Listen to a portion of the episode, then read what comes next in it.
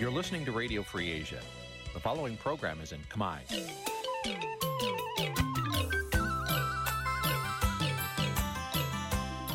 នេះជាកម្មវិធីផ្សាយ Vuthu Azizi Serai នេះជាកម្មវិធីផ្សាយរបស់ Vuthu Azizi Serai ជាភាសាខ្មែរ Vuthu Azizi Serai សូមស្វាគមន៍លោកអ្នកនាងទាំងអស់ពីរដ្ឋធានី Washington នៃសហរដ្ឋអាមេរិកចាប់ផ្សាយផ្ទាល់ពីរដ្ឋធានី Washington នាងខ្ញុំសុជីវីសូមជម្រាបសួរលោកអ្នកនាងកញ្ញាដែលកំពុងតាមដានការផ្សាយរបស់ Vuthu Azizi Serai ទាំងអស់ជាទីមេត្រីយើខ្ញុំសូមជូនកម្មវិធីផ្សាយសម្រាប់យប់ថ្ងៃអាទិត្យចា14រោចខែមិញឆ្នាំខាលចត្វាស័កពុរសករាជ2566ចាប់ត្រូវនៅថ្ងៃទី19ខែកុម្ភៈគ្រិស្តសករាជ2023ចាជាដំបូងនេះសូមអញ្ជើញលោកអ្នកនាង ស្ដាប់ព័ត៌មានប្រចាំថ្ងៃដែលមានមេត្តាដូចតទៅ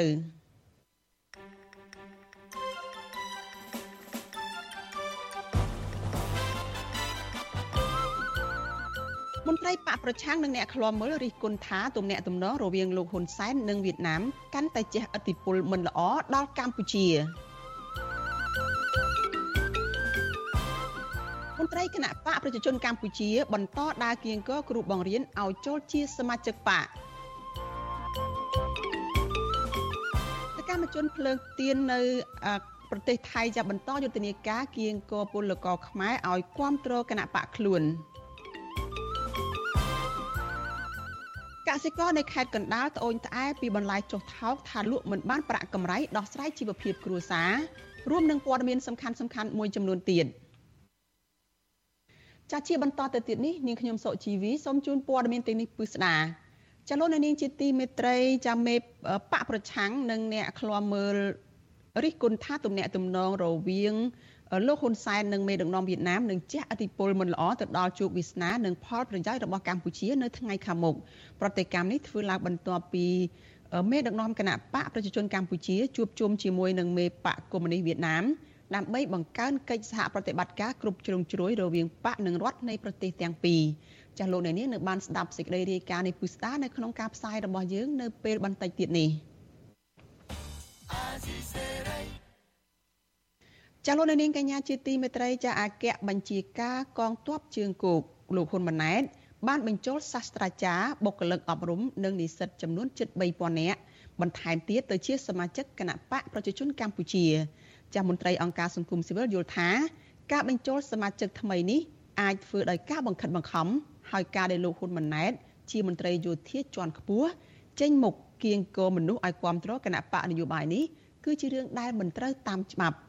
ចាពីរដ្ឋធានី Washington លោកមានរិទ្ធរាយការណ៍អំពីរឿងនេះ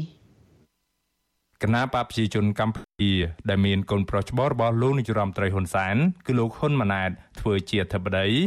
បានបញ្ចូលសាស្ត្រាចារ្យបុគ្គលិកអប់រំនិងនិស្សិតចំនួនជិត3000នាក់ទៀតទៅជាសមាជិកគណៈបកប្រជាជនកម្ពុជា នៅការិយាល័យកណ្ដាលគណៈបកនេះនៅថ្ងៃទី19ខែកុម្ភៈក្នុងកម្មវិធីនេះគេក៏សង្កេតឃើញមានវត្តមានលោកកឹមសន្តិភាព លោកហេងសួរនិងមន្ត្រីជាន់ខ្ពស់គណៈបកប្រជាជនកម្ពុជាជាច្រើនរូបទៀតជុំវិញរឿងនេះអ្នកនាំពាក្យគណៈបកភ្លើងទៀនលោកកឹមសួរភិរិទ្ធយល់ឃើញថាមន្ត្រីរាជការមួយចំនួនដែលបានចូលរួមជីវភាពនយោបាយជាមួយគណៈបកប្រជាជនកម្ពុជាមិនបានធ្វើឡើងដោយឆន្ទៈផ្ទាល់ខ្លួននោះឡើយលោកបានថែមថាដោយសារតែគណៈបកប្រជាជនកម្ពុជាដើរតួនាទីជាគណៈបកនយោបាយផង និងជារដ្ឋាភិបាលផងដូច្នេះហើយគ្រូបង្រៀនមួយចំនួនត្រូវបង្ខំចិត្តចូលជាសមាជិកគណៈបកប្រជាជនកម្ពុជា ដើម្បីរួចផុតពីការគំរាមកំហែងនិងការដកហូតក្របខ័ណ្ឌរដ្ឋគណៈបកភ្លើងទៀនវាអត់មានទេអត់មានណាហ៊ានចេញមុខថាខ្លួននៅគណៈបកភ្លើងទៀនបើមានក៏តិចតួចបំផុតជារូបភាពជាសម្បកកាយប៉ុន្តែ នៅក្នុងសម្បកចិត្តនៅក្នុងផ្លូវចិត្តខ្ញុំគិតថាវាមិនខ្វះទេគឺរងសម្ពាធតែផ្លូវកាយប៉ុន្តែផ្លូវចិត្តនៅតែមានការស្រឡាញ់ណានឹកឃើញចង់បានឲ្យមានការផ្លាស់ប្ដូរគ្រប់គ្រងគណៈបកណាដែលគិតផលប្រយោជន៍ជាតិនិងផលប្រយោជន៍ប្រជាពលរដ្ឋវិសុវអសីស្រីមិនអាចតាក់ទងแนะនាំពីគណៈបកប្រជាជនកម្ពុជា លោកសុវ័យសាន ដើម្បីសុំការបកស្រាយជុំវិញរឿងនេះបាននៅឡើយទេ នៅថ្ងៃទី19ខែកុម្ភៈ ក្រៅពីការគំរាមកំហែងនិងការរើសអើងនៅតាមសាលារៀនរដ្ឋគ្រូបង្រៀនដែលមាននិន្នាការនយោបាយផ្ទុយពីរដ្ឋាភិបាលមួយចំនួនក៏ត្រូវបានរដ្ឋាភិបាលដកចេញពីក្របខ័ណ្ឌគ្រូបង្រៀនផងដែរកាលពីពេលកន្លងមកលើពីនេះគ្រូបង្រៀនដែលជាសមាជិកគណៈបកសង្គ្រោះជាតិចំនួន3នាក់រួមមានលោកសុនធុនលោកពីញម៉ាប់និងលោកកៅថៃជាដើមក៏កំពុងជាប់ឃុំនៅពន្ធនាគារយ៉ាងអយុត្តិធម៌ក្រោមបទចោទញុះញង់និងបទរួមគំនិតក្បត់ ជុំវិញរឿងនេះប្រធានសមាគមគ្រូបង្រៀនកម្ពុជាឯករាជ្យអ្នកស្រីអុកឆាយាវីយល់ឃើញថាគ្រូបង្រៀននិងនិស្សិតដែលបានចូលរួមជីវភាពនយោបាយជាមួយគណៈបកប្រជាជនកម្ពុជា មិនមែនចូលរួមដោយការស្ម័គ្រចិត្តទាំងអស់នោះឡើយ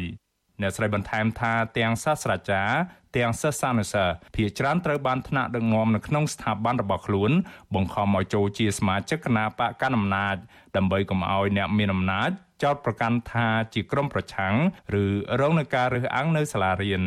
ការរើសអើងសួរដេញដោលមូលហេតុអីបានមិនចូលបានមិនអីចឹងណានឹងហើយជារូបភាពនៃការរើសអើងរបស់ពួកគាត់ហើយនៃការភ័យខ្លាចអីអញ្ចឹងទោះបីចង់ឬមិនចង់ពួកគាត់បង្ខំចិត្តត្រូវតែចូល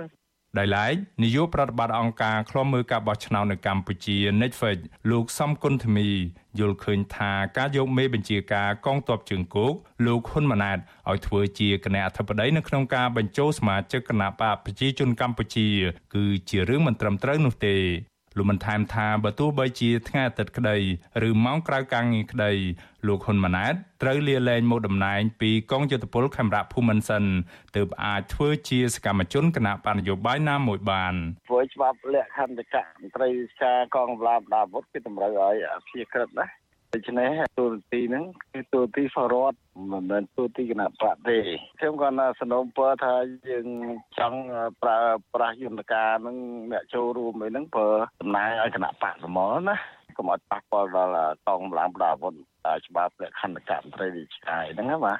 មាត្រា83នៃច្បាប់ស្តីពីការបោះឆ្នោតជ្រើសតាំងតំណាងរាស្ត្រអនុញ្ញាតឲ្យកងយោធពលខេមរៈភូមិន្ទនគរបាលជាតិនិងមន្ត្រីតុលាការ អាចចូលរួមនៅក្នុងសកម្មភាពឃោសនាគ្រប់គ្រងចំពោះគណៈបណ្ឌនយោបាយណាមួយក្រៅម៉ោងការងារតែនៅក្នុងរដូវកាលឃោសនាបោះឆ្នោតដែលមានរយៈពេលត្រឹមតែ1ខែតែប៉ុណ្ណោះអ្នកវិភាគនយោបាយតែងតែលើកឡើងថាគណៈបកប្រជាជនកម្ពុជា បានដើរតួនាទីហួសពីគណៈបកនយោបាយដែលបានយកព្រៀបនៅក្នុងនាមជាគណៈបកកណ្ដាលអំណាចគម្រាមកំហែងឲ្យមន្ត្រីរាជការតាមស្ថាប័នរដ្ឋនានាចូលជាសមាជិកគណៈបកនេះ គណៈបកនេះក៏បានបង្ខំឲ្យក្រុមនិស្សិតនិងសិស្សចូលជាសមាជិកខ្លួន តាមរយៈការបង្កើតសហភាពសហព័ន្ធយុវជនកម្ពុជា នៅតាមសាលារៀនរដ្ឋនិងស្ថាប័នរដ្ឋផងដែរខ្ញុំបានមេរិត Visual C ស្រីពីរដ្ឋធានី Washington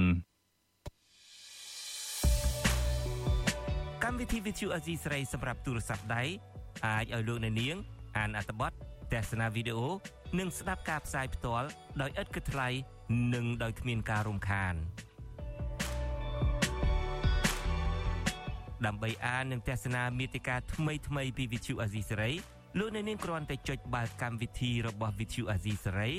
ដែលបានដំឡើងរួចរាល់លើទូរស័ព្ទដៃរបស់លោកអ្នកនាងប្រសិនបើលោកអ្នកនាងចង់ស្ដាប់ការផ្សាយផ្ទាល់ឬការផ្សាយចាស់ចាស់សូមចុចលើប៊ូតុងរូប Vithu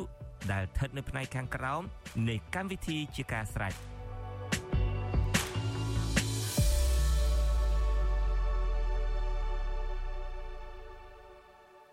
ចាលោកនាងកញ្ញាជាទីមេត្រីចាលោកអ្នកកំពុងតែតាមដានការផ្សាយរបស់វិទ្យុអាស៊ីសេរីចាផ្សាយចេញពីរដ្ឋធានី Washington សហរដ្ឋអាមេរិកចាព័ត៌មានជាបន្តទៅទៀតនេះចាតកតងទៅនឹងការបង្ខំបិទទ្វារស្ថាប័នព័ត៌មាន VOD ចាមន្ត្រីអង្គការសង្គមស៊ីវិលខកចិត្តនឹងក្រុមសង្គមស៊ីវិលមួយចំនួនដែលចេញសេចក្តីថ្លែងការណ៍គាំទ្រការលុបអាញាបានសារព័ត៌មានឯករាជ្យចុងក្រោយនៅកម្ពុជាប្រតិកម្មនេះធ្វើឡើងបន្ទាប់ពីក្រុមយុវជន ដែលតែងតែទីទានដើម្បីស្ថាបនាសង្គមបែរជាទៅចុះចូលជាមួយរដ្ឋាភិបាលនិងផ្លាស់ប្ដូរឆន្ទៈរបស់ពួកគេចាប់ប្រធានសមាគមសម្ព័ន្ធនិស្សិតបញ្ញវន្តខ្មែរលោកកើតសរាយប្រាប់វិទ្យុអាស៊ីសេរីនៅថ្ងៃទី19ខែកុម្ភៈថា លោកខកចិត្តចំពោះការចេញសេចក្តីថ្លែងការណ៍រួមរបស់ក្រមយុវជនសង្គមស៊ីវិលដែលចុះចូលជាមួយបកកាន់អំណាចលោកបន្តថាមនុស្សរស់នៅក្នុងសង្គមនេះគឺអាស្រ័យទៅលើគុណធម៌ភាពស្មោះត្រង់និងសច្ចធម៌ប្រសិនបើមនុស្សគ្មានធាតុផ្សំទាំងនេះទេទោះជាបីទោះបីជានៅកន្លែងណា ទីណាក្រុមណាក៏គេមិនអោយតម្លៃដែរលោកស្នើដល់យុវជនឲ្យពង្រឹងស្មារតីនិងធ្វើអ្វីដើម្បីជាផលប្រយោជន៍ជាតិ ជៀសវាងធ្វើតែដើម្បីផលប្រយោជន៍ផ្ទាល់ខ្លួនហើយផ្លាស់ប្ដូរឧត្តមគតិរបស់ខ្លួន។ ដូច្នេះខ្ញុំខ្ញុំថាយុវជនដែលធ្លាប់រៀនសូត្រពីលោកបណ្ឌិតកែមលីដែលធ្លាប់រៀនសូត្រអំពីវិរិយជនផ្សេងផ្សេងទៀតដែលធ្លាប់រៀនសូត្រពីពុព្វបរិសដែលលះបង់ដើម្បីជាតិដើម្បីមាតុភូមិនោះសូមពង្រឹងស្មារតីហើយធ្វើអីក៏ធ្វើទៅឲ្យតែធ្វើទៅវាត្រូវហើយវាបានជាប្រយោជន៍ពិតប្រាកដសម្រាប់សង្គមជាតិអានោះខ្ញុំគ្រប់ត្រូលប៉ុន្តែការណាត់ដែលធ្វើដើម្បីតែប្រយោជន៍ទូនាទីឲ្យផ្លាស់ប្ដូរទស្សនៈដមតិរបស់ខ្លួនឯងខ្ញុំគាត់ថាសូមពិចារណាឡើងវិញពួកតម្លៃរបស់យើងគឺมันមានអ្នកណាគេឲ្យទេប្រសិនបើជាយើងបាត់បង់គុណធម៌ចាប់ប្រតិកម្មរបស់ក្រមអង្គការសង្គមស៊ីវិលនេះធ្វើឡើងបន្ទាប់ពីក្រមយុវជនមួយចំនួនបានចុះចូលជាមួយរដ្ឋាភិបាលហើយផ្លាស់ប្តូរឆន្ទៈរបស់ខ្លួនដោយចេញសេចក្តីថ្លែងការណ៍គាំទ្រលោកហ៊ុនសែនដែលបិទវិទ្យុឯករាជ្យ VOD នោះថាជារឿងត្រឹមត្រូវក្នុងសេចក្តីថ្លែងការណ៍រួមនោះថ្លែងពីការគាំទ្រចំណាត់ការរបស់ក្រសួងព័ត៌មានក្នុងការលុបអាជ្ញាប័ណ្ណសារព័ត៌មាន VOD ហើយចាត់ទុកការផ្សាយរបស់សារព័ត៌មាន VOD ថាជាការផ្សាយដែលគ្មានមូលដ្ឋាន និងឯកសារច្បាស់លាស់ដែលនាំឲ្យជះឥទ្ធិពលអវិជ្ជមានទៅដល់សង្គមសេចក្តីថ្លែងការណ៍ដដែលនោះក៏បានអំពាវនាវឲ្យបណ្ដាសារព័ត៌មានអង្គការសង្គមស៊ីវិលទាំងអស់ត្រូវហ៊ានទទួលស្គាល់ការពិត និងហ៊ានទទួលខុសត្រូវចំពោះការបំពេញការងារប្រកបដោយវិជ្ជាជីវៈតកតោះនឹងបញ្ហានេះអ្នកនាំពាក្យក្រមយុវជនសង្គមស៊ីវិលលោកហេងសំណាងថ្លែងថា ការចេញសេចក្តីថ្លែងការណ៍រួមរបស់ក្រមយុវជនសង្គមស៊ីវិលនេះគឺចេញពីឆន្ទៈរបស់ក្រមតែម្ដងលោកបន្តថាសេចក្តីថ្លែងការណ៍នេះគឺជាការគាំទ្រចំណាត់ការរបស់ក្រសួងព័ត៌មានក្នុងការលុបអាជ្ញាប័ណ្ណ VOD ចាដើម្បីឲ្យយុវជនក្រុមអង្គការសង្គមស៊ីវិលសារព័ត៌មាននានាធ្វើការងារប្រកបដោយវិជ្ជាជីវៈចុ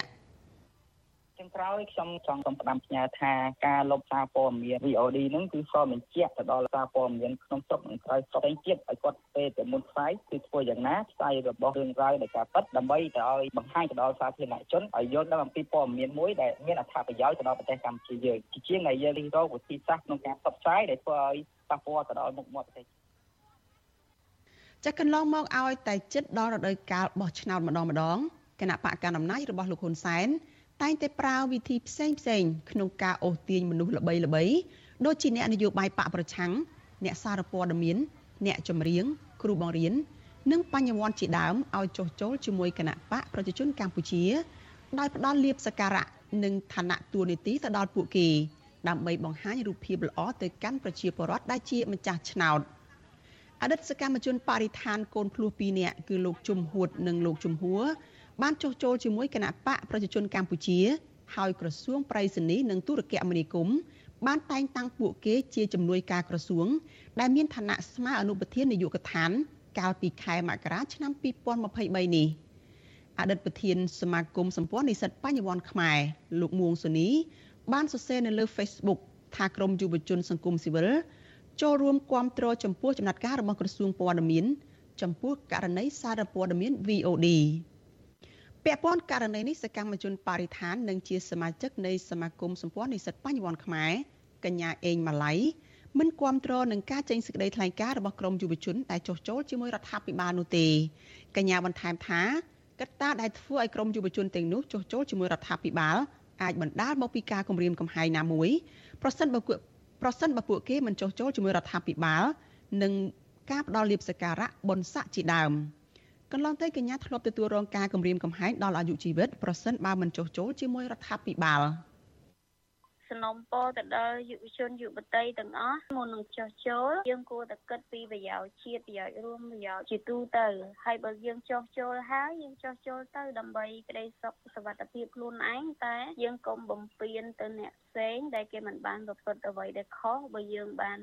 បំពេញទៅអ្នកផ្សេងផ្ញើសារឬក៏សរសេរសារអ្វីដែលគេហៅថាបំពេញកិត្តិយសអ្នកដតីដែរវាធ្វើឲ្យប៉ះពាល់ទៅដល់យុវជនយុវតីដែលគេកំពុងតែខិតខំប្រឹងប្រែងដើម្បីប្រយោជន៍រួមហើយធ្វើឲ្យបំបាក់ស្មារតីពលរដ្ឋចាសសមាគមសម្ព័ន្ធនិស្សិតបញ្ញវន្តខ្មែរនិងក្រុមអ្នកវិភាគវ័យក្មេងទើបតែអំពាវនាវឲ្យយុវជនបន្តឆន្ទៈរបស់លោកបណ្ឌិតកែមលីដើម្បីឲ្យយុវជនបន្តគំរូវីរភាពរបស់លោកបណ្ឌិត និងផ្ដល់ជាភាពជាគំរូនៅក្នុងការនិយាយការពិត ជាជាងនិយាយការពារដើម្បីទទួលបានលៀបសក្ការៈ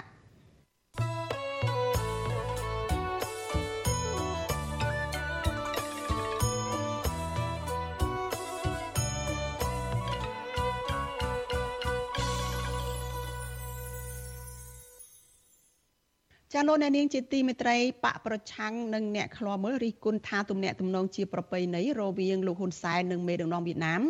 នឹងជះឥទ្ធិពលមិនល្អដល់ជោគវាសនានិងផលប្រយោជន៍របស់កម្ពុជា នៅថ្ងៃខាងមុខប្រតិកម្មនេះធ្វើឡើងបន្ទាប់ពីមេដឹកនាំគណៈបកប្រជាជនកម្ពុជា បានជួបប្រជុំជាមួយមេដឹកនាំបកកុម្មុយនីសវៀតណាមដើម្បីបង្កើនកិច្ចសហប្រតិបត្តិការគ្រប់ជ្រុងជ្រោយរវាងបកនិងរដ្ឋនៃប្រទេសទាំងពីរ ចាសសូមអញ្ជើញលោកអ្នកនាងរងចាំតាមដានសេចក្តីរាយការណ៍នេះពិស្ដារនៅក្នុងការផ្សាយរបស់យើងនៅពេលបន្តិចទៀតនេះ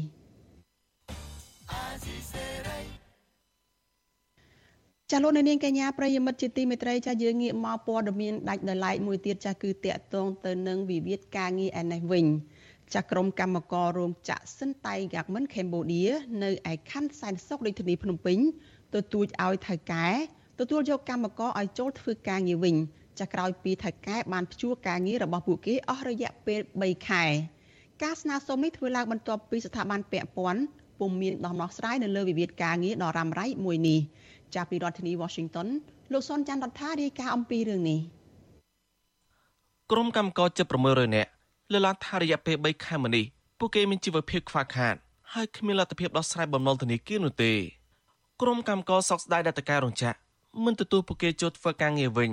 ដោយសារការប្រកាន់បពុនិងរើសអើងសហជីព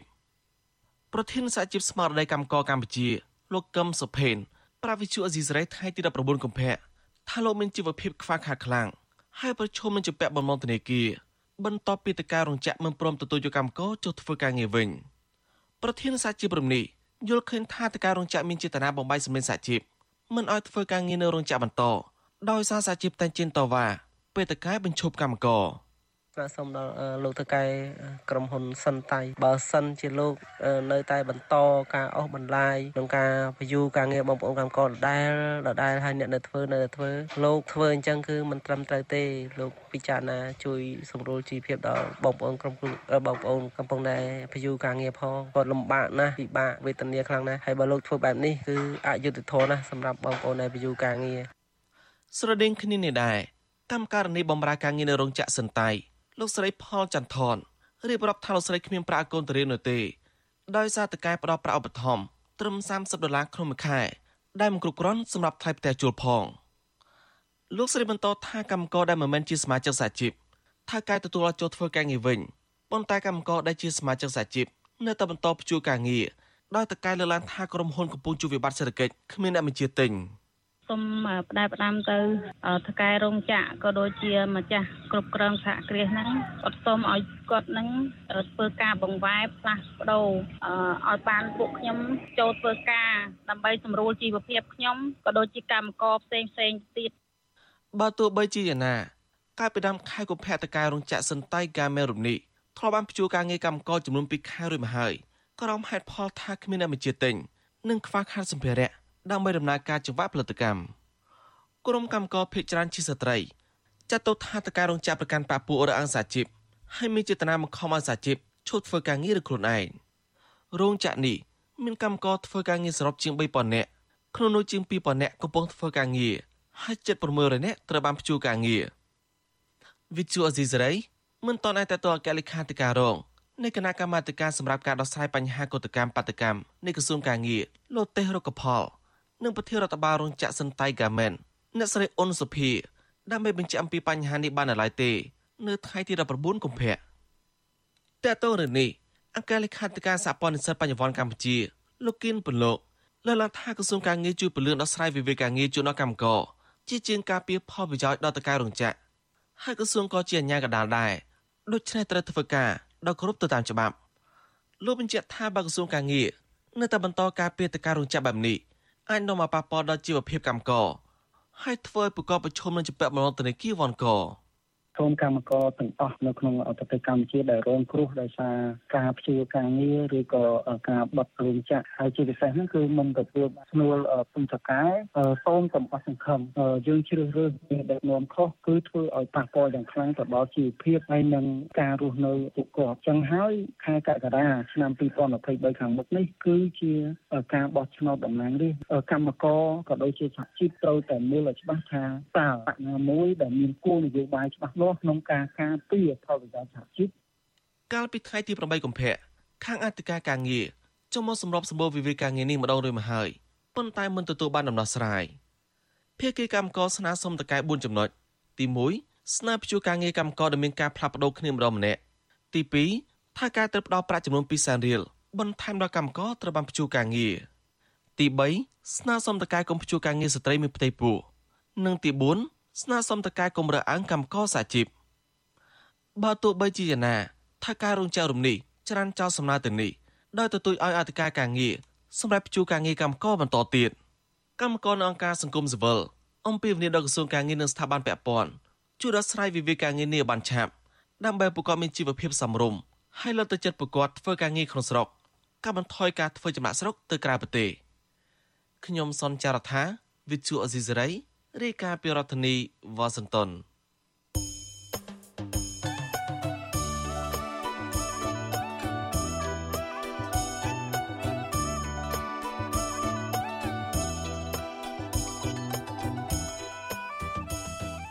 លោកនាងកញ្ញាប្រិយមិត្តជាទីមេត្រីចាដំណើរគ្នានឹងស្ដាប់ការផ្សាយផ្ទាល់របស់វិទ្យុអាស៊ីសេរីចានៅលើបណ្ដាញសង្គម Facebook និង YouTube នេះចាលោកនាងក៏អាចស្ដាប់ការផ្សាយរបស់យើងចានៅតាមវិទ្យុរលកធាតុអាកាសខ្លីចា Post SW តាមកម្រិតនិងកម្ពស់ដូចតទៅនេះពេលព្រឹកចាប់ពីម៉ោង5កន្លះដល់ម៉ោង6កន្លះតាមរយៈ Post SW 9.39 MHz ស្មើនឹងកម្ពស់ 32m និង Post SW 11.85 MHz ស្មើនឹងកម្ពស់ 25m ពេលយប់ចាប់ពីម៉ោង7កន្លះដល់ម៉ោង8កន្លះតាមរយៈ post SW 9.39 MHz ស្មើនឹងកម្ពស់ 32m post SW 11.88 MHz ស្មើនឹងកម្ពស់ 25m និង post SW 15.15 MHz ស្មើនឹងកម្ពស់ 20m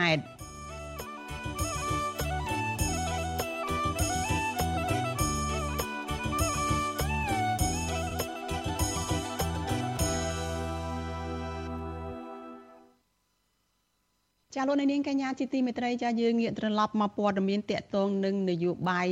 ឡើងវិញចានៅឯប្រទេសថៃឯណោះចាសកម្មជនគណៈបកភ្លើងទៀនដែលកំពុងរស់នៅក្នុងប្រទេសនេះចានៅថ្ងៃទី19ខែកុម្ភៈនេះបន្តជួបជុំពលករខ្មែរជិត60នាក់នៅឯខេត្តឈុនបុរីនៃប្រទេសថៃនេះដើម្បីផ្សព្វផ្សាយពីគោលនយោបាយរបស់បកខ្លួននិងដើម្បីរកអ្នកគ្រប់គ្រងនៅមុនការបោះឆ្នោតជាតិនៅក្នុងឆ្នាំនេះ។ ចាអ្នកនាំពាក្យគណៈបកកណ្ដាលអំណាចចាត់ទុកការជួបជុំនេះថាគឺជាសិទ្ធិសម្ដែងមតិនយោបាយប៉ុន្តែក៏ត្រូវតែគោរពតាមច្បាប់ចាពីរដ្ឋធានី Washington លោកជីវិតារាយការណ៍អំពីរឿងនេះសកម្មជនបកភ្លើងទៀននិងពលករខ្មែរនៅប្រទេសថៃជិត60នាក់បន្តប្រមូលផ្ដុំគ្នានៅថ្ងៃទី19ខែកុម្ភៈនេះដើម្បីពង្រឹងស្មារតីគ្រប់គ្រងបករបស់ខ្លួន ពួកគេលើកឡើងថាការគៀងគោពលរដ្ឋខ្មែរនេះ គឺជាក្តីសង្ឃឹមមួយដើម្បីធ្វើការផ្លាស់ប្តូរមេដឹកនាំនាពេលបច្ចុប្បន្ននិងចូលរួមស្ដារប្រជាធិបតេយ្យនៅកម្ពុជាពួកគាត់ថាពលករខ្មែរជាច្រើននៅតាមបណ្ដាខេត្តនានាក្នុងប្រទេសថៃកំពុងចាប់អារម្មណ៍និងគាំទ្រខ្លាំងដល់បកភ្លើងទៀនការលើកឡើងនេះធ្វើឡើងក្រោយពីពួកគាត់បានប្រមូលផ្ដុំគ្នាដោយអ្នកខ្លះពាក់មួកស្លាកបកភ្លើងទៀនរួមនឹងសម្លេងស្រែកគាំទ្របកផង កម្មវិធីជួបជុំគ្នានេះក៏មាននិមន្តព្រះសង្ឃចំនួន3អង្គដើម្បីសូត្រមន្តប្រោះព្រំនិងឧទ្ទិសកុសលដល់អ្នកស្នេហាជាតិរួមមានអ្នកវិភាគនយោបាយលោកបណ្ឌិតកែមលីអ្នកការពារធនធានធម្មជាតិលោកឈុតវុធី អ្នកការពារសិទ្ធិកម្មករសហជីពលោកជីវិជា និងអ្នកស្នេហាជាតិជាច្រើនទៀតដែលបានស្លាប់ក្នុងរបបដឹកនាំរបស់លោកនាយករដ្ឋមន្ត្រីហ៊ុនសែន។ ទឹកខ្មែរកើតទឹកខ្មែរកើតកំណើតខ្មែរមានកំណើតខ្មែរមានពលករអត់ទៀនពលករអត់ទៀនសង្គ្រោះជាតិយើងសង្គ្រោះជាតិយើងកំណើតខ្មែរកើតកំណើតខ្មែរកើតកំណើតខ្មែរមានកំណើតខ្មែរមានពលករអត់ទៀនពលករអត់ទៀនសង្គ្រោះជាតិយើងតំណាងសកម្មជនបកភ្លើងទៀននៅប្រទេសថៃលោកឆនសុខឿន ប្រាប់វិទ្យុអាស៊ីសេរីនៅថ្ងៃទី19កុម្ភៈថាលោករួមនឹងសកម្មជនបកភ្លើងទៀនជាច្រើនអ្នកទៀតបានប្រមូលផ្ដុំគ្នាផ្សព្វផ្សាយគោលនយោបាយបកដើម្បីស្វែងរកសម្លេងគាំទ្របន្ថែមទៀតពីពលករខ្មែរទាំងនោះ គណៈបកកណ្ដាលអំណាចសូមឲ្យកណ្ដាលអំណាចហ្នឹងក៏រົບតាមរដ្ឋធម្មនុញ្ញរបស់កម្ពុជា ជាពិសេសគឺបើកលំហប្រជាធិបតេយ្យឲ្យគណៈបកភ្លើងទៀនក៏ដូចជាគណៈបកប្រឆាំងផ្សេងទៀតដើម្បីមានសិទ្ធិបោះឆ្នោតដោយសេរីនិងយុត្តិធម៌ហើយពួកយើងទាំងអស់គ្នាដែលអ្នកគ្រប់ស្រឡាញ់ជាធិបតេយ្យហ្នឹងគឺចង់បានមើលឃើញលំហប្រជាធិបតេយ្យនៅក្នុងប្រទេសកម្ពុជាហ្នឹងមានសិទ្ធិពេញលេញក្នុងការសម្រេចចិត្តជ្រើសរើសតំណាងរបស់ខ្លួន ចំណែកពលករខ្មែរម្នាក់ដែលធ្វើការសំណង់នៅប្រទេសថៃអស់រយៈពេល2ឆ្នាំ គឺលោកភក់វីលើកឡើងថាការចូលរួមក្នុងកម្មវិធីនេះដោយសារតែលោកជឿជាក់លើគោលនយោបាយបាក់ភ្លើងទៀនលោករំពឹងថាបើសិនជាបាក់មួយនេះឈ្នះឆ្នោតនៅពេលខាងមុខលោកចង់ឃើញប្រទេសកម្ពុជាផ្ដល់នូវយុត្តិធម៌ដល់ពលរដ្ឋទុនខ្សោយលុបបំបាត់អំពើពុករលួយ និងជួយស្វែងរកការងារជូនពលករខ្មែរ ដើម្បីឲ្យពួកគេអាចត្រឡប់ទៅធ្វើការនៅស្រុកខ្មែរវិញព្រោះពួកគាត់មិនចង់ឃ្លាតឆ្ងាយពីស្រុកកំណើតនិងប្រពន្ធកូនទៀតនោះឡើយ។ ចិត្តខ្ញុំចង់និយាយវិញទីចង់ឲ្យផ្លាស់ប្ដូរតាំងយូរហើយបងគឺវាពិបាកណាវេទនាណាប្រជាជនខ្មែរនៅខ្មែរយើងវេទនាគឺខ្ញុំចង់ឲ្យផ្លាស់ប្ដូរយូរគឺខ្ញុំចំត្រទៅនិច្ចបងគឺគឺប្រជាជនខ្មែរយើងវេទនាបងបាទគឺខ្ញុំគឺគឺចង់ចំណុំពោគឺឲ្យគណៈបកសង្គ្រោះអេនេះភ្លើងទៀនយើងឲ្យជួយប្រជាជនខ្មែរយើងនៅប្រទេសគេក្រៅប្រទេសប្រទេសថៃអញ្ចឹងបងឲ្យជួយផុតទុកជុំវិញរឿងនេះ អ្នកនាំពាក្យគណៈបកប្រជាជនកម្ពុជាលោកសុកអេសានប្រាប់វិទ្យុអាស៊ីសេរីថាការជួបជុំស្វែងរកអ្នកគាំទ្ររបស់សកម្មជនបកភ្លើងទៀននេះគឺជាសិទ្ធិរបស់ពួកគាត់ទោះជាយ៉ាងណា លោកថាសម្រាប់បកកាន់អំណាចមិនដែលខ្លាចអ្នកណានោះទេ ហើយលោកក៏ស្វាគមន៍គ្រប់គណៈបកនយោបាយក្នុងការចូលរួមបោះឆ្នោតនៅពេលខាងមុខ។ អាហ្នឹងវាធម្មតាតែកាលណាតែប្រកួតប្រជែងសិតតែមានគេហៅថាក្តីសង្ឃឹមរៀងខ្លួនហើយមិនមែនតែគណៈបកគាត់ទេគណៈបកផ្សេងគេមានក្តីសង្ឃឹមដូចគ្នាឲ្យតែគាត់សង្ឃឹមទៅឲ្យតែបានសម្រេចដូចបំណងទៅតែវាមិនបានរេចដូចបំណងដូចខ្ញុំថាអញ្ចឹងគាត់ពេលនៅនោះជាសិទ្ធិរបស់គាត់ក៏ប៉ុន្តែដល់បងប្អូនប្រជាពលរដ្ឋដែលតាមគាត់ទៅអត់ទាន់មានពោះក្នុងបញ្ជីបោះឆ្នោតអញ្ចឹងបានសិទ្ធិឯណាទៅបោះឆ្នោតចាញ់ទៀតដល់ចាញ់ទៀតថាគេលួចស្លឹកឆ្នោតទៀតហើយ ថ្មីត្បិតការលើកឡើងរបស់អ្នកនាំពាក្យបកកាន់អំណាចឲ្យមានការចូលរួមបោះឆ្នោតពីសំណាក់ពលរដ្ឋនិងអ្នកនយោបាយបកប្រឆាំងបែបនេះក្តីក៏អ្នកវិភាគនយោបាយមើលឃើញថាសិទ្ធិចូលរួមរបស់បកប្រឆាំងក្នុងវិស័យនយោបាយធានាដោយរដ្ឋធម្មនុញ្ញនោះហាក់រួមតូចចង្អៀតជាពិសេសការសម្ដែងមតិរកអ្នកគាំទ្រដោយសារតែការធ្វើទុកបុកម្នេញឥតស្រាកស្រានពីអាញាធរដែលគាំទ្របកកាន់អំណាច នាយកប្រតិបត្តិអង្គការ Netflix ដែលធ្វើការផ្នែកឃ្លាំមើលការបោះឆ្នោតនៅកម្ពុជា លោកសំគុណធីមី លើកឡើងថាការប្រឹងប្រែងធ្វើយុទ្ធនាការស្វែងរកសម្លេងគាំទ្ររបស់បកភ្លើងទៀននៅប្រទេសថៃ គឺជារឿងត្រឹមត្រូវខណៈដែលបកកាន់អំណាចក៏បន្តធ្វើសកម្មភាពទាំងនោះជាហូរហែដែរលោកបន្តថាអ្វីដែលជាក្តីបារម្ភនោះគឺបរិយាកាសនយោបាយនិងជីវភាពនយោបាយរបស់បកប្រឆាំងហាក់មិនមានស្ថានភាពល្អប្រសើរនោះទេ ស្របពេលដែលបកកាន់អំណាចនិងបកប្រឆាំងនៅតែបន្តខំថ្មិញដាក់គ្នាដោយសពថ្ងៃនេះ។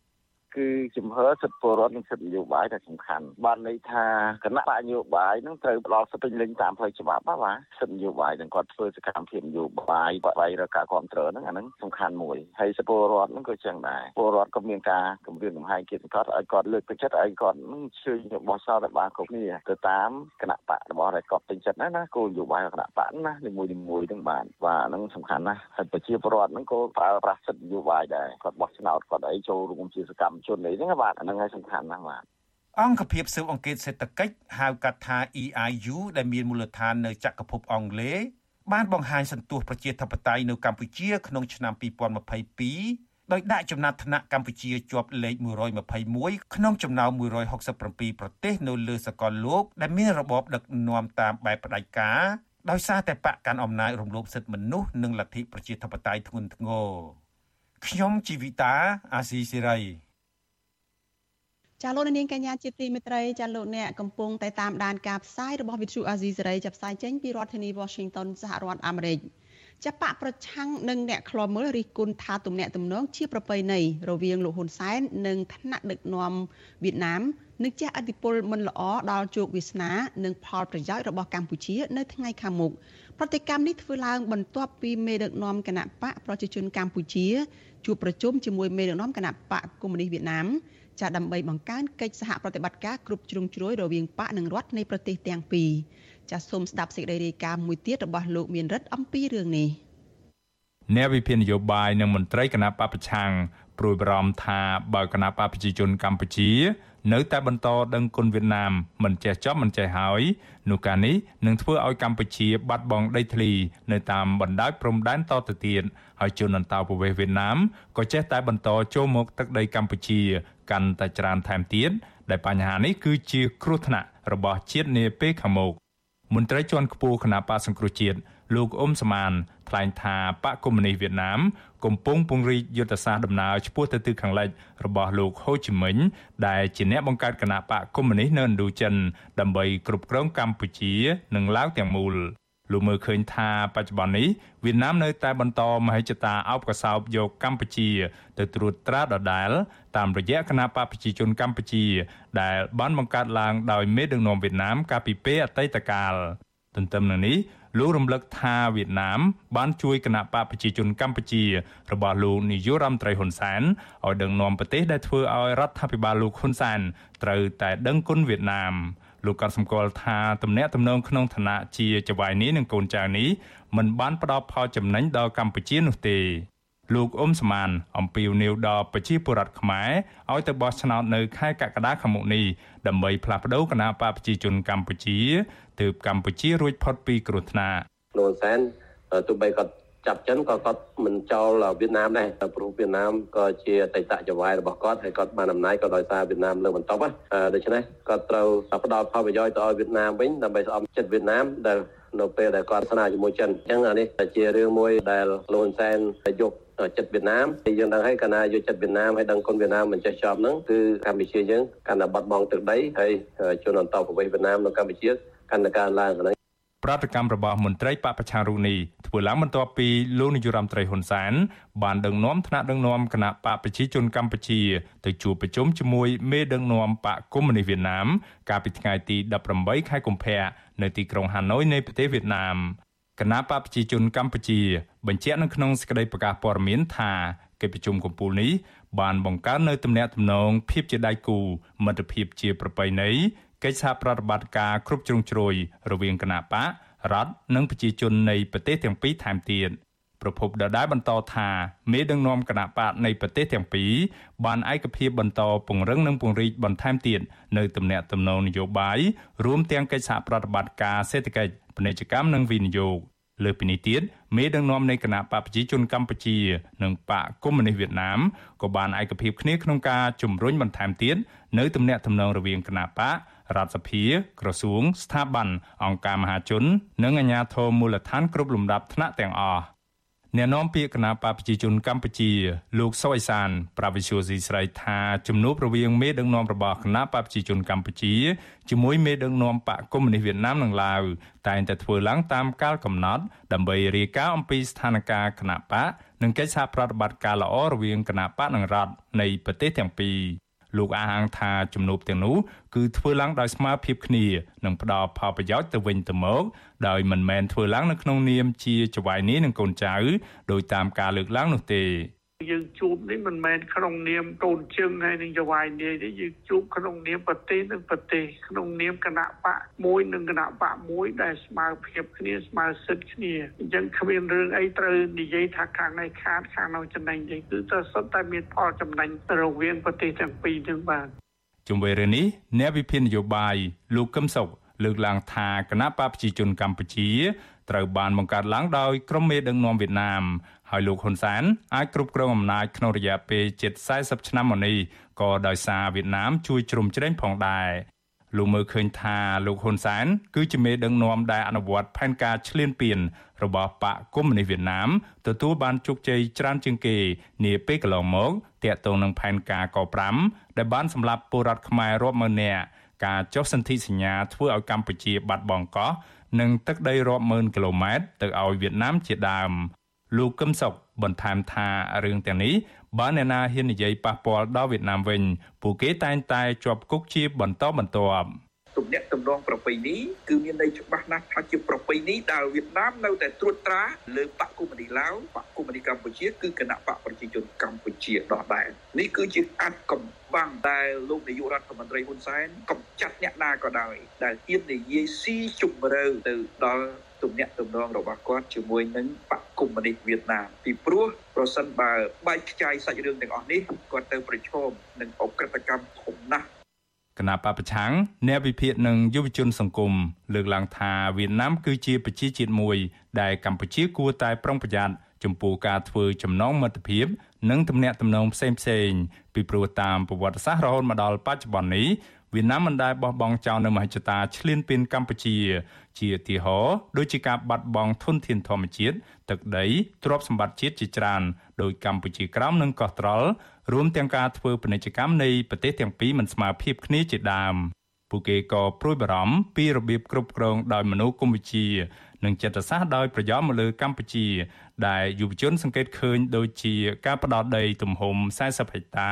ឲ្យជនជាតិវៀតណាមសង់លំនៅឋានស្របច្បាប់ ស្របពេលដែលពលរដ្ឋខ្មែរដែលជាម្ចាស់ស្រុកទទួលរងនៅវិបត្តិដីធ្លីជាច្រើនព្រមទាំងការផ្ដោតដីសម្បត្តិនៅតាមបណ្ដោយព្រំដែនកម្ពុជាវៀតណាម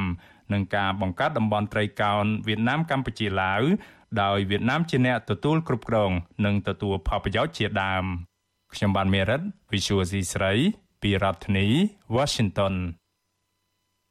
ចាលោកនាងជាទីមេត្រីចាបន្តតាមដានការផ្សាយរបស់វិទ្យុអាស៊ីសេរីជាបន្តទៅទៀតចាព័ត៌មានជាបន្តទៅទៀតនេះគឺតកតងទៅនឹងទស្សនៈរបស់អ្នកវិភាគថាតើអ្នកវិភាគយល់ឃើញយ៉ាងណា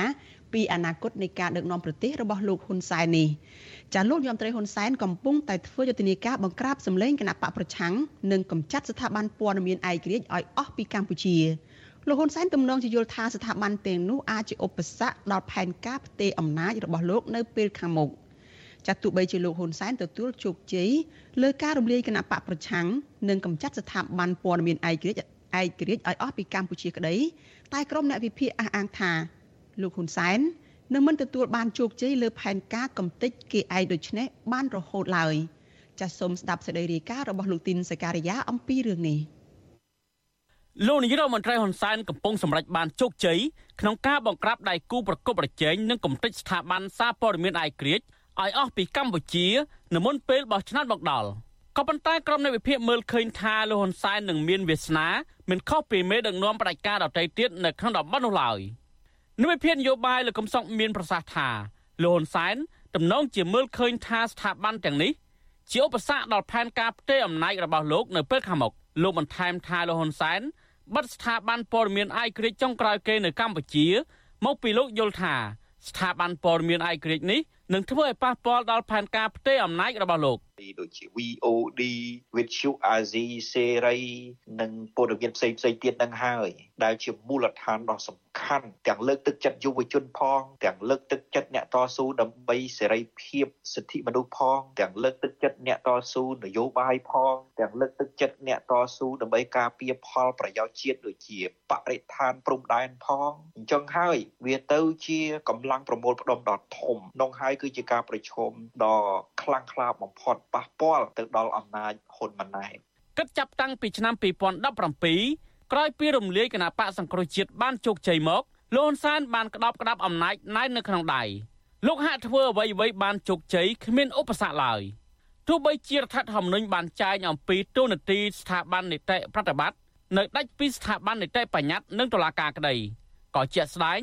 លោកអាចបញ្ជាឲ្យតុលាការ និងសភាធ្វើអ្វីអ្វីបានតាមដំណឹងចិត្តជាស្ដែងលោកបានបញ្ជាឲ្យរដ្ឋសភាកែរដ្ឋធម្មនុញ្ញលើកទី10លើមាត្រាមួយចំនួនកាលពីឆ្នាំ2022ដែលគេមើលឃើញថាជាការកាត់បន្ថយអំណាចសភាដូចជាការបញ្ជូនឈ្មោះបេក្ខជននាយករដ្ឋមន្ត្រីទៅថ្វាយព្រះមហាក្សត្រដោយមិនចាំបាច់យល់ព្រមពីប្រធាននិងអនុប្រធានសភានឹងការបង្កើនចំនួនសមាជិកសភាពី30នាក់ទៅ42នាក់នៅពេលសភាចង់ស្នើញត្តិស្ដីបន្ទោសរដ្ឋាភិបាលម្ដងម្ដង ទើបរដ្ឋសភាអាចលើកយកមកពិភាក្សាបានលោកបញ្ជាឲ្យតុលាការចាប់ខ្លួនឬផ្តន្ទាទោសមេដឹកនាំគណៈបកប្រឆាំងនិងសកម្មជននយោបាយមួយចំនួនទៀតជាដើមចុងក្រោយនេះ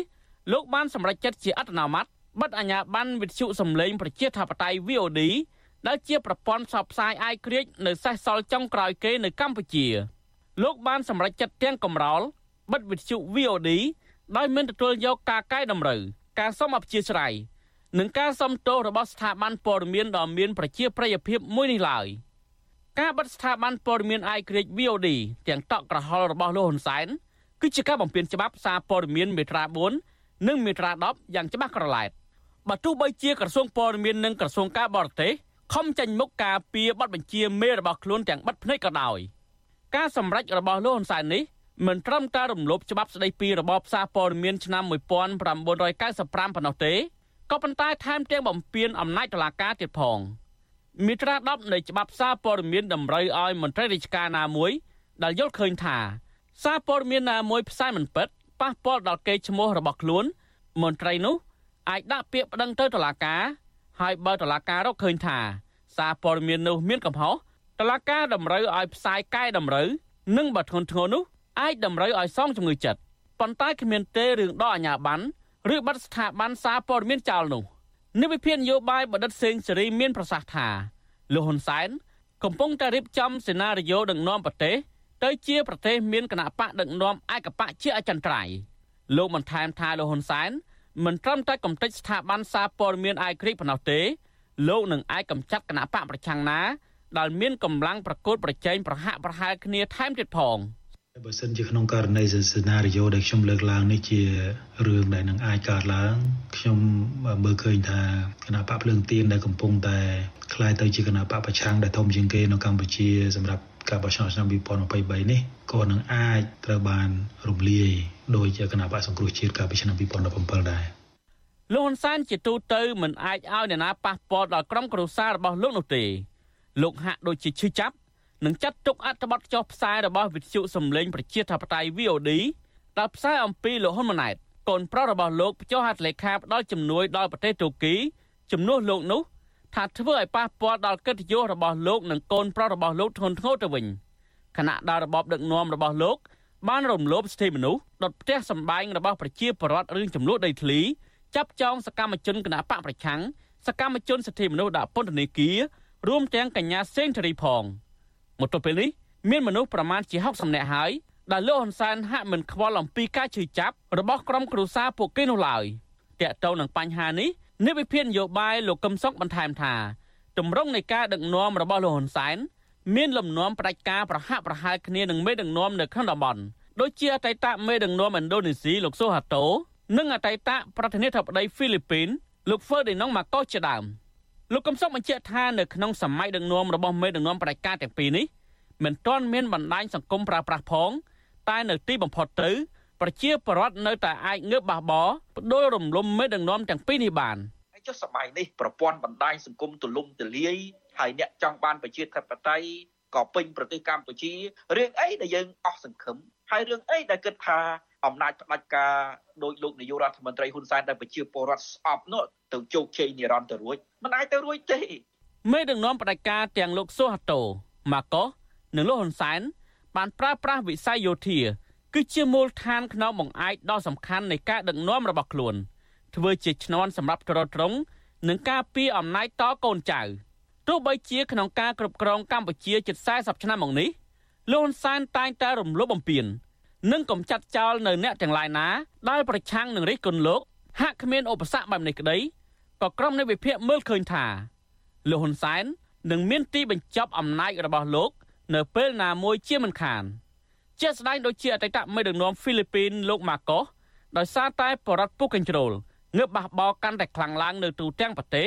ធ្វើបាតកម្មទម្លាក់មេដឹកនាំផ្ដាច់ការនេះវិញនៅពេលនោះអ្វីដែលគួរឲ្យកត់សម្គាល់នោះគឺទាហាននិងឧត្តមសេនីយ៍មួយចំនួន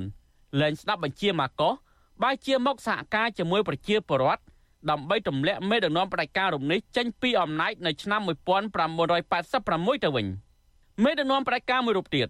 គឺលោកសូហាតូក៏មិនមានវាសនាល្អដែរនៅទីបញ្ចប់បើទោះបីជាលោកប្រើអំណាចផ្ដាច់ការនិងប្រើកងកម្លាំងយោធា ដើម្បីការពារអំណាចរបស់ខ្លួនយ៉ាងណាក៏ដោយក៏កម្លាំងមហាជនពុះកញ្ជ្រោលចង់ផ្លាស់ប្ដូរមេដឹកនាំរូបនេះដោយសារតែបរដ្ឋ រងការឈឺចាប់អត់ទ្រាំនឹងការគៀបសង្កត់ឡើងបាន ពួកគេបានរួមគ្នាធ្វើមហាបដកម្មតវ៉ាទម្លាក់មេដឹកនាំផ្ដាច់ការសូហាតូនៅទីបំផុតលោកសូហាតូបានបង្ខំចិត្តលាលែងពីតំណែងនៅថ្ងៃទី21ឧសភាឆ្នាំ1998អតីតប្រធានាធិបតីហ្វីលីពីន លោក Ferdinand Marcos កាន់អំណាចរយៈពេល21ឆ្នាំ លោក Suharto អតីតមេដឹកនាំឥណ្ឌូនេស៊ី បានក្រាញអំណាចរយៈពេលជាង30ឆ្នាំរីឯលោកហ៊ុនសែនវិញបានកាន់អំណាចមកទល់ពេលនេះមានរយៈពេលជិត40ឆ្នាំប្រទេសជាតិក្រោមការដឹកនាំរបស់មេដឹកនាំផ្ដាច់ការទាំងនេះពោពេញដោយអំពើពុករលួយ ប្រើប្រាស់អំពើហិង្សាជាគោលនិងប្រើប្រាស់តុលាការជាឧបករណ៍នយោបាយផ្ដាច់មុខឬជាតេឡេបញ្ជាព្រមទាំងគៀបសង្កត់ បំបត្តិសិទ្ធិសេរីភាពលៀបពណ៌ប្រជាពលរដ្ឋចាត់ទុកក្រុមអ្នកប្រឆាំងជាសត្រូវនិងបង្កើតក្រុមបកពួកជាដើម នេះវិភាគថាលោកហ៊ុនសែននឹងមានវាសនាមិនខុសពីមេដឹកនាំផ្ដាច់ការស៊ូហាតូនិងម៉ាកុសឡើយបើទោះបីជាសប្តាហ៍ថ្ងៃនេះលោកហ៊ុនសែនហាក់មានអំណាចពេញដៃអាចធ្វើអ្វីៗបានតាមអំពើចិត្តក្តីក៏លោកនឹងមិនទទួលបានជោគជ័យរហូតដែរលោកហ៊ុនសែនកាន់តែធ្វើឲ្យប្រជាពលរដ្ឋរងទុក្ខទោសរងទឹកភ្នែកកាន់តែខ្លាំងនោះថ្ងៃអវសាននៃអំណាចរបស់លោកក៏នឹងកាន់មកដល់កាន់តែឆាប់ដែរ ខ្ញុំទីនសាការីយ៉ាអស៊ីសេរី ប្រធានីវ៉ាស៊ីនតោនកម្មវិធីវិទ្យុអេស៊ីស្រីសម្រាប់ទូរស័ព្ទដៃអាចឲ្យលោកអ្នកនាង អានអត្ថបទទស្សនាវីដេអូនិងស្ដាប់ការផ្សាយផ្ទាល់ដោយឥតគិតថ្លៃនិងដោយគ្មានការរំខានដើម្បីអាននិងទស្សនាមេតិការថ្មីថ្មីពីវិទ្យុអាស៊ីសេរីលោកអ្នកនាងគ្រាន់តែចុចបាល់កម្មវិធីរបស់វិទ្យុអាស៊ីសេរី ដែលបានដំឡើងរួចរាល់លើទូរស័ព្ទដៃរបស់លោកអ្នកនាងប្រសិនបើលោកអ្នកនាងចង់ស្ដាប់ការផ្សាយផ្ទាល់ឬការផ្សាយចាស់ចាស់សូមចុចលើប៊ូតុងរូបវិទ្យុដែលស្ថិតនៅផ្នែកខាងក្រោមនៃកម្មវិធីជាការស្ដាយ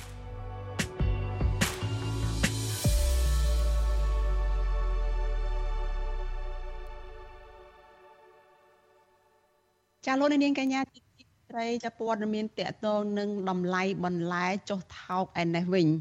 ចាត់ទីផ្សារកសិកម្មពិសេសគឺបន្លែ នៅតែ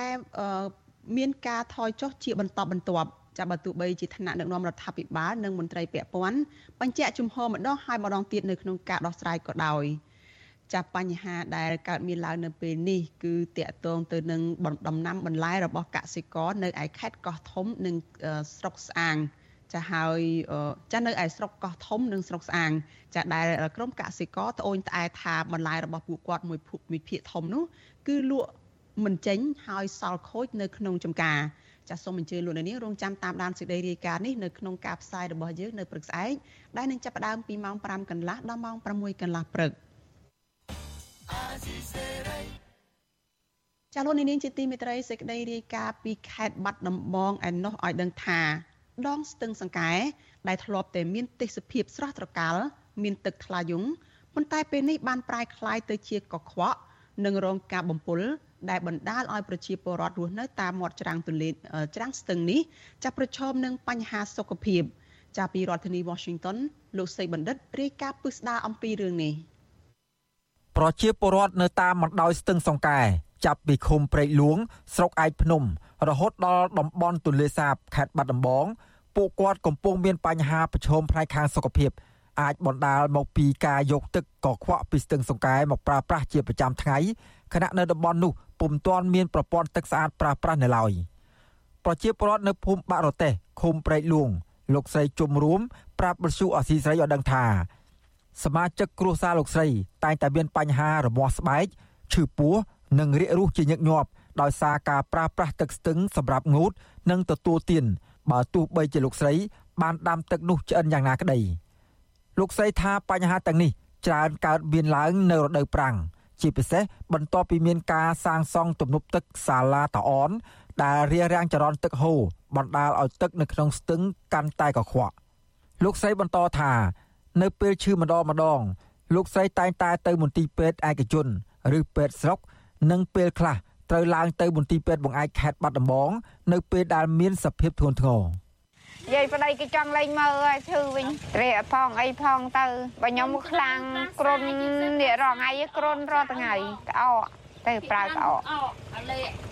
បើចៅវិញអាលាកលាកលាកលាកពងកអាលាកសួតលាកពងកអាលាកសួតទៅពេទ្យឡើងជួយតែឈាមមើលអាណិតចៅ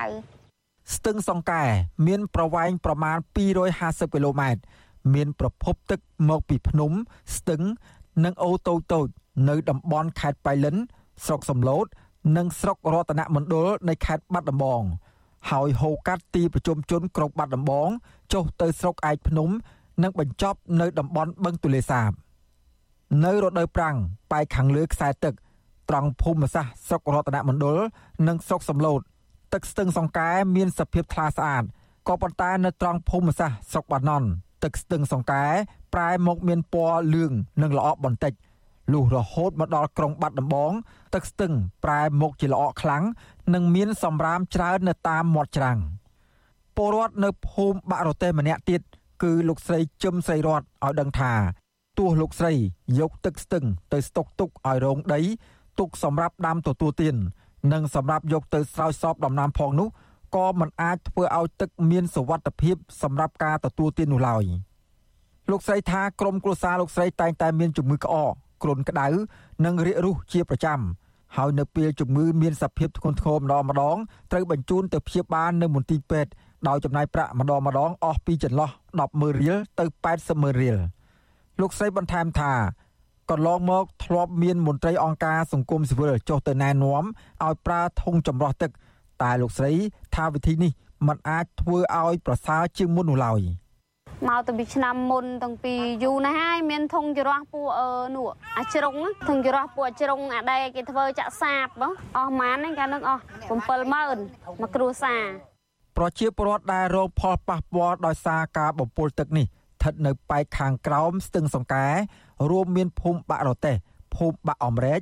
និងភូមិដូនអិនស្ថិតនៅក្នុងឃុំព្រែកលួង ភូមិរាជដូនកែវ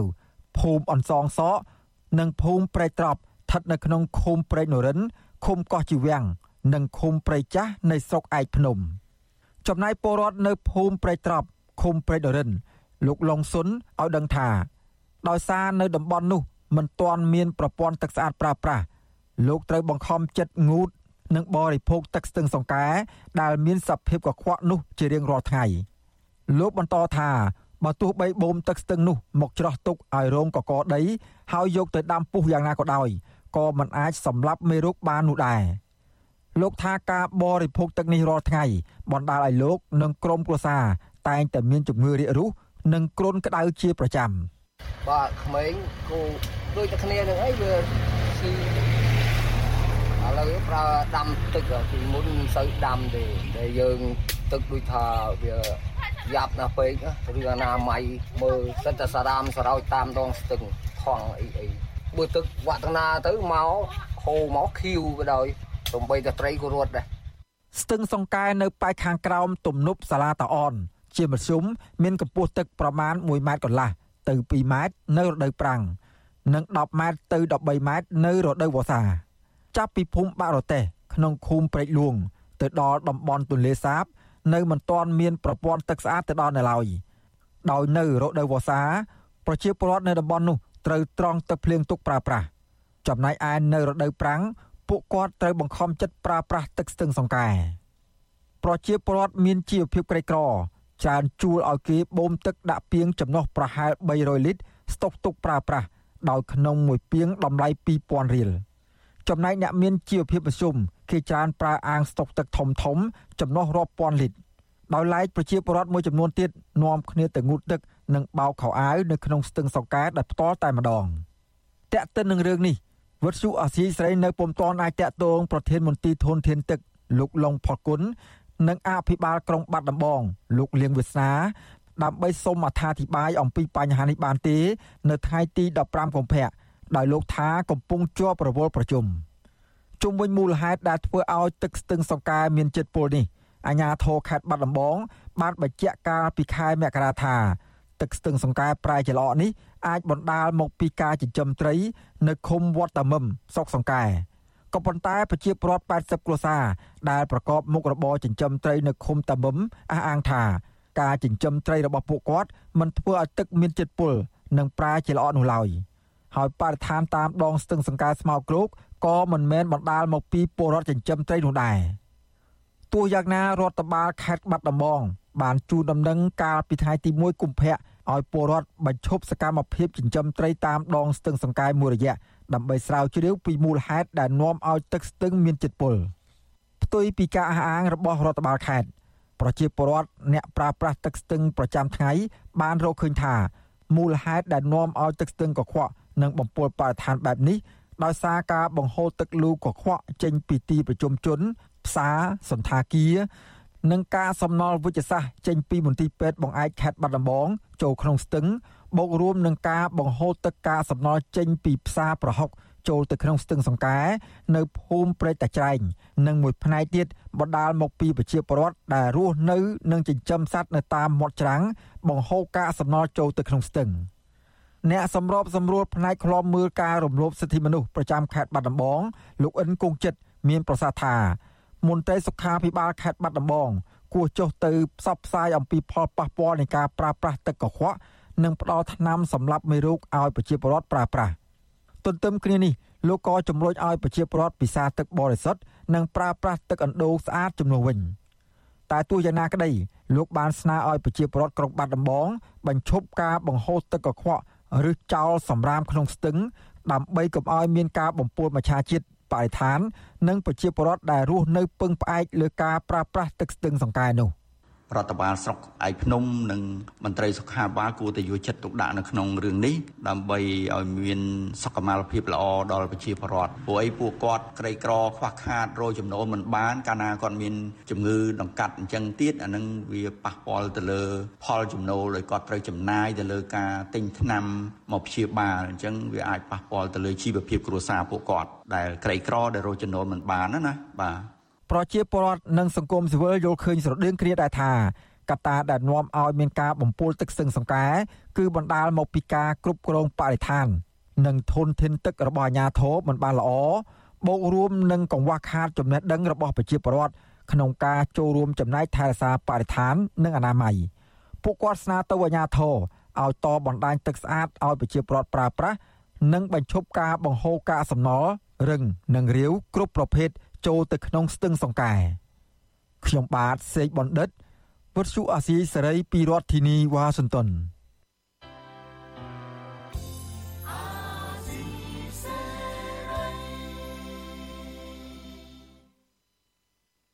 ចាលោកនាងកញ្ញាជាទីមេត្រីចាដំណើរគ្នានឹងស្ដាប់ការផ្សាយផ្ទាល់របស់វិទ្យុអាស៊ីសេរីចានៅលើបណ្ដាញសង្គម Facebook និង YouTube ចាលោកនាងក៏អាចស្ដាប់ការផ្សាយរបស់យើងចានៅលើវិទ្យុរលកធាតុអាកាសខ្លីចា Post SW តាមកម្រិតនិងកម្ពស់ដូចតទៅនេះពេលព្រឹកចាប់ពីម៉ោង5កន្លះដល់ម៉ោង6កន្លះតាមរយៈ Post SW 9.39 MHz ស្មើនឹងកម្ពស់ 32m និង Post SW 11.85 MHz ស្មើនឹងកម្ពស់ 25m ចាប់ពេលយប់ចាប់ពីម៉ោង7កន្លះដល់ម៉ោង8កន្លះតាមរយៈ Post SW 9.39 MHz ស្មើនឹងកម្ពស់ 32m Post SW 11.88 MHz ស្មើនឹងកម្ពស់ 25m និង Post SW 15.15 MHz ស្មើនឹងកម្ពស់ 20m ចាលោកនាងជាទីមេត្រីចាឆ្លៀតឱកាសនេះដែរចានាងខ្ញុំក៏សូមថ្លែងអំណរគុណដល់លោកអ្នកនាងចាដែលតែងតែមានភក្ដីភាពចំពោះការផ្សាយរបស់យើងហើយតែងតែចាត់ទុកការស្ដាប់វិទ្យុអាស៊ីសេរីនេះគឺជាផ្នែកមួយនៃសកម្មភាពប្រចាំថ្ងៃរបស់លោកអ្នកនាងហើយនាងខ្ញុំក៏សូមថ្លែងអំណរគុណដល់លោកអ្នកនាងដែលតែងតែចែករំលែកការផ្សាយរបស់វិទ្យុអាស៊ីសេរីចាទៅកាន់មិត្តភ័ក្តិរបស់លោកអ្នកនាងចាដើម្បីឲ្យការផ្សាយរបស់យើងនេះបានទៅដល់មនុស្សកាន់តែច្រើន។ ចាលោកនាងកញ្ញាប្រិយមិត្តជាទីមេត្រីចាការផ្សាយរយៈពេល1ម៉ោងរបស់វិទ្យុអាស៊ីសេរីជាភាសាខ្មែរនៅយប់នេះចាចាប់ត្រឹមតែប៉ុណ្ណេះនាងខ្ញុំសុជីវីព្រមទាំងក្រុមការងារទាំងអស់នៃវិទ្យុអាស៊ីសេរីចាសូមអរគុណដល់លោកអ្នកនាងនិងសូមជូនពរដល់លោកអ្នកនាងកញ្ញានិងក្រុមគ្រួសារទាំងអស់ចាសូមប្រកបតែនឹងសេចក្តីសុខចាសុភមង្គលកំបីគ្លៀងគ្លាតឡើយចាស់នាងខ្ញុំសូមអរគុណនិងសូមជម្រាបលា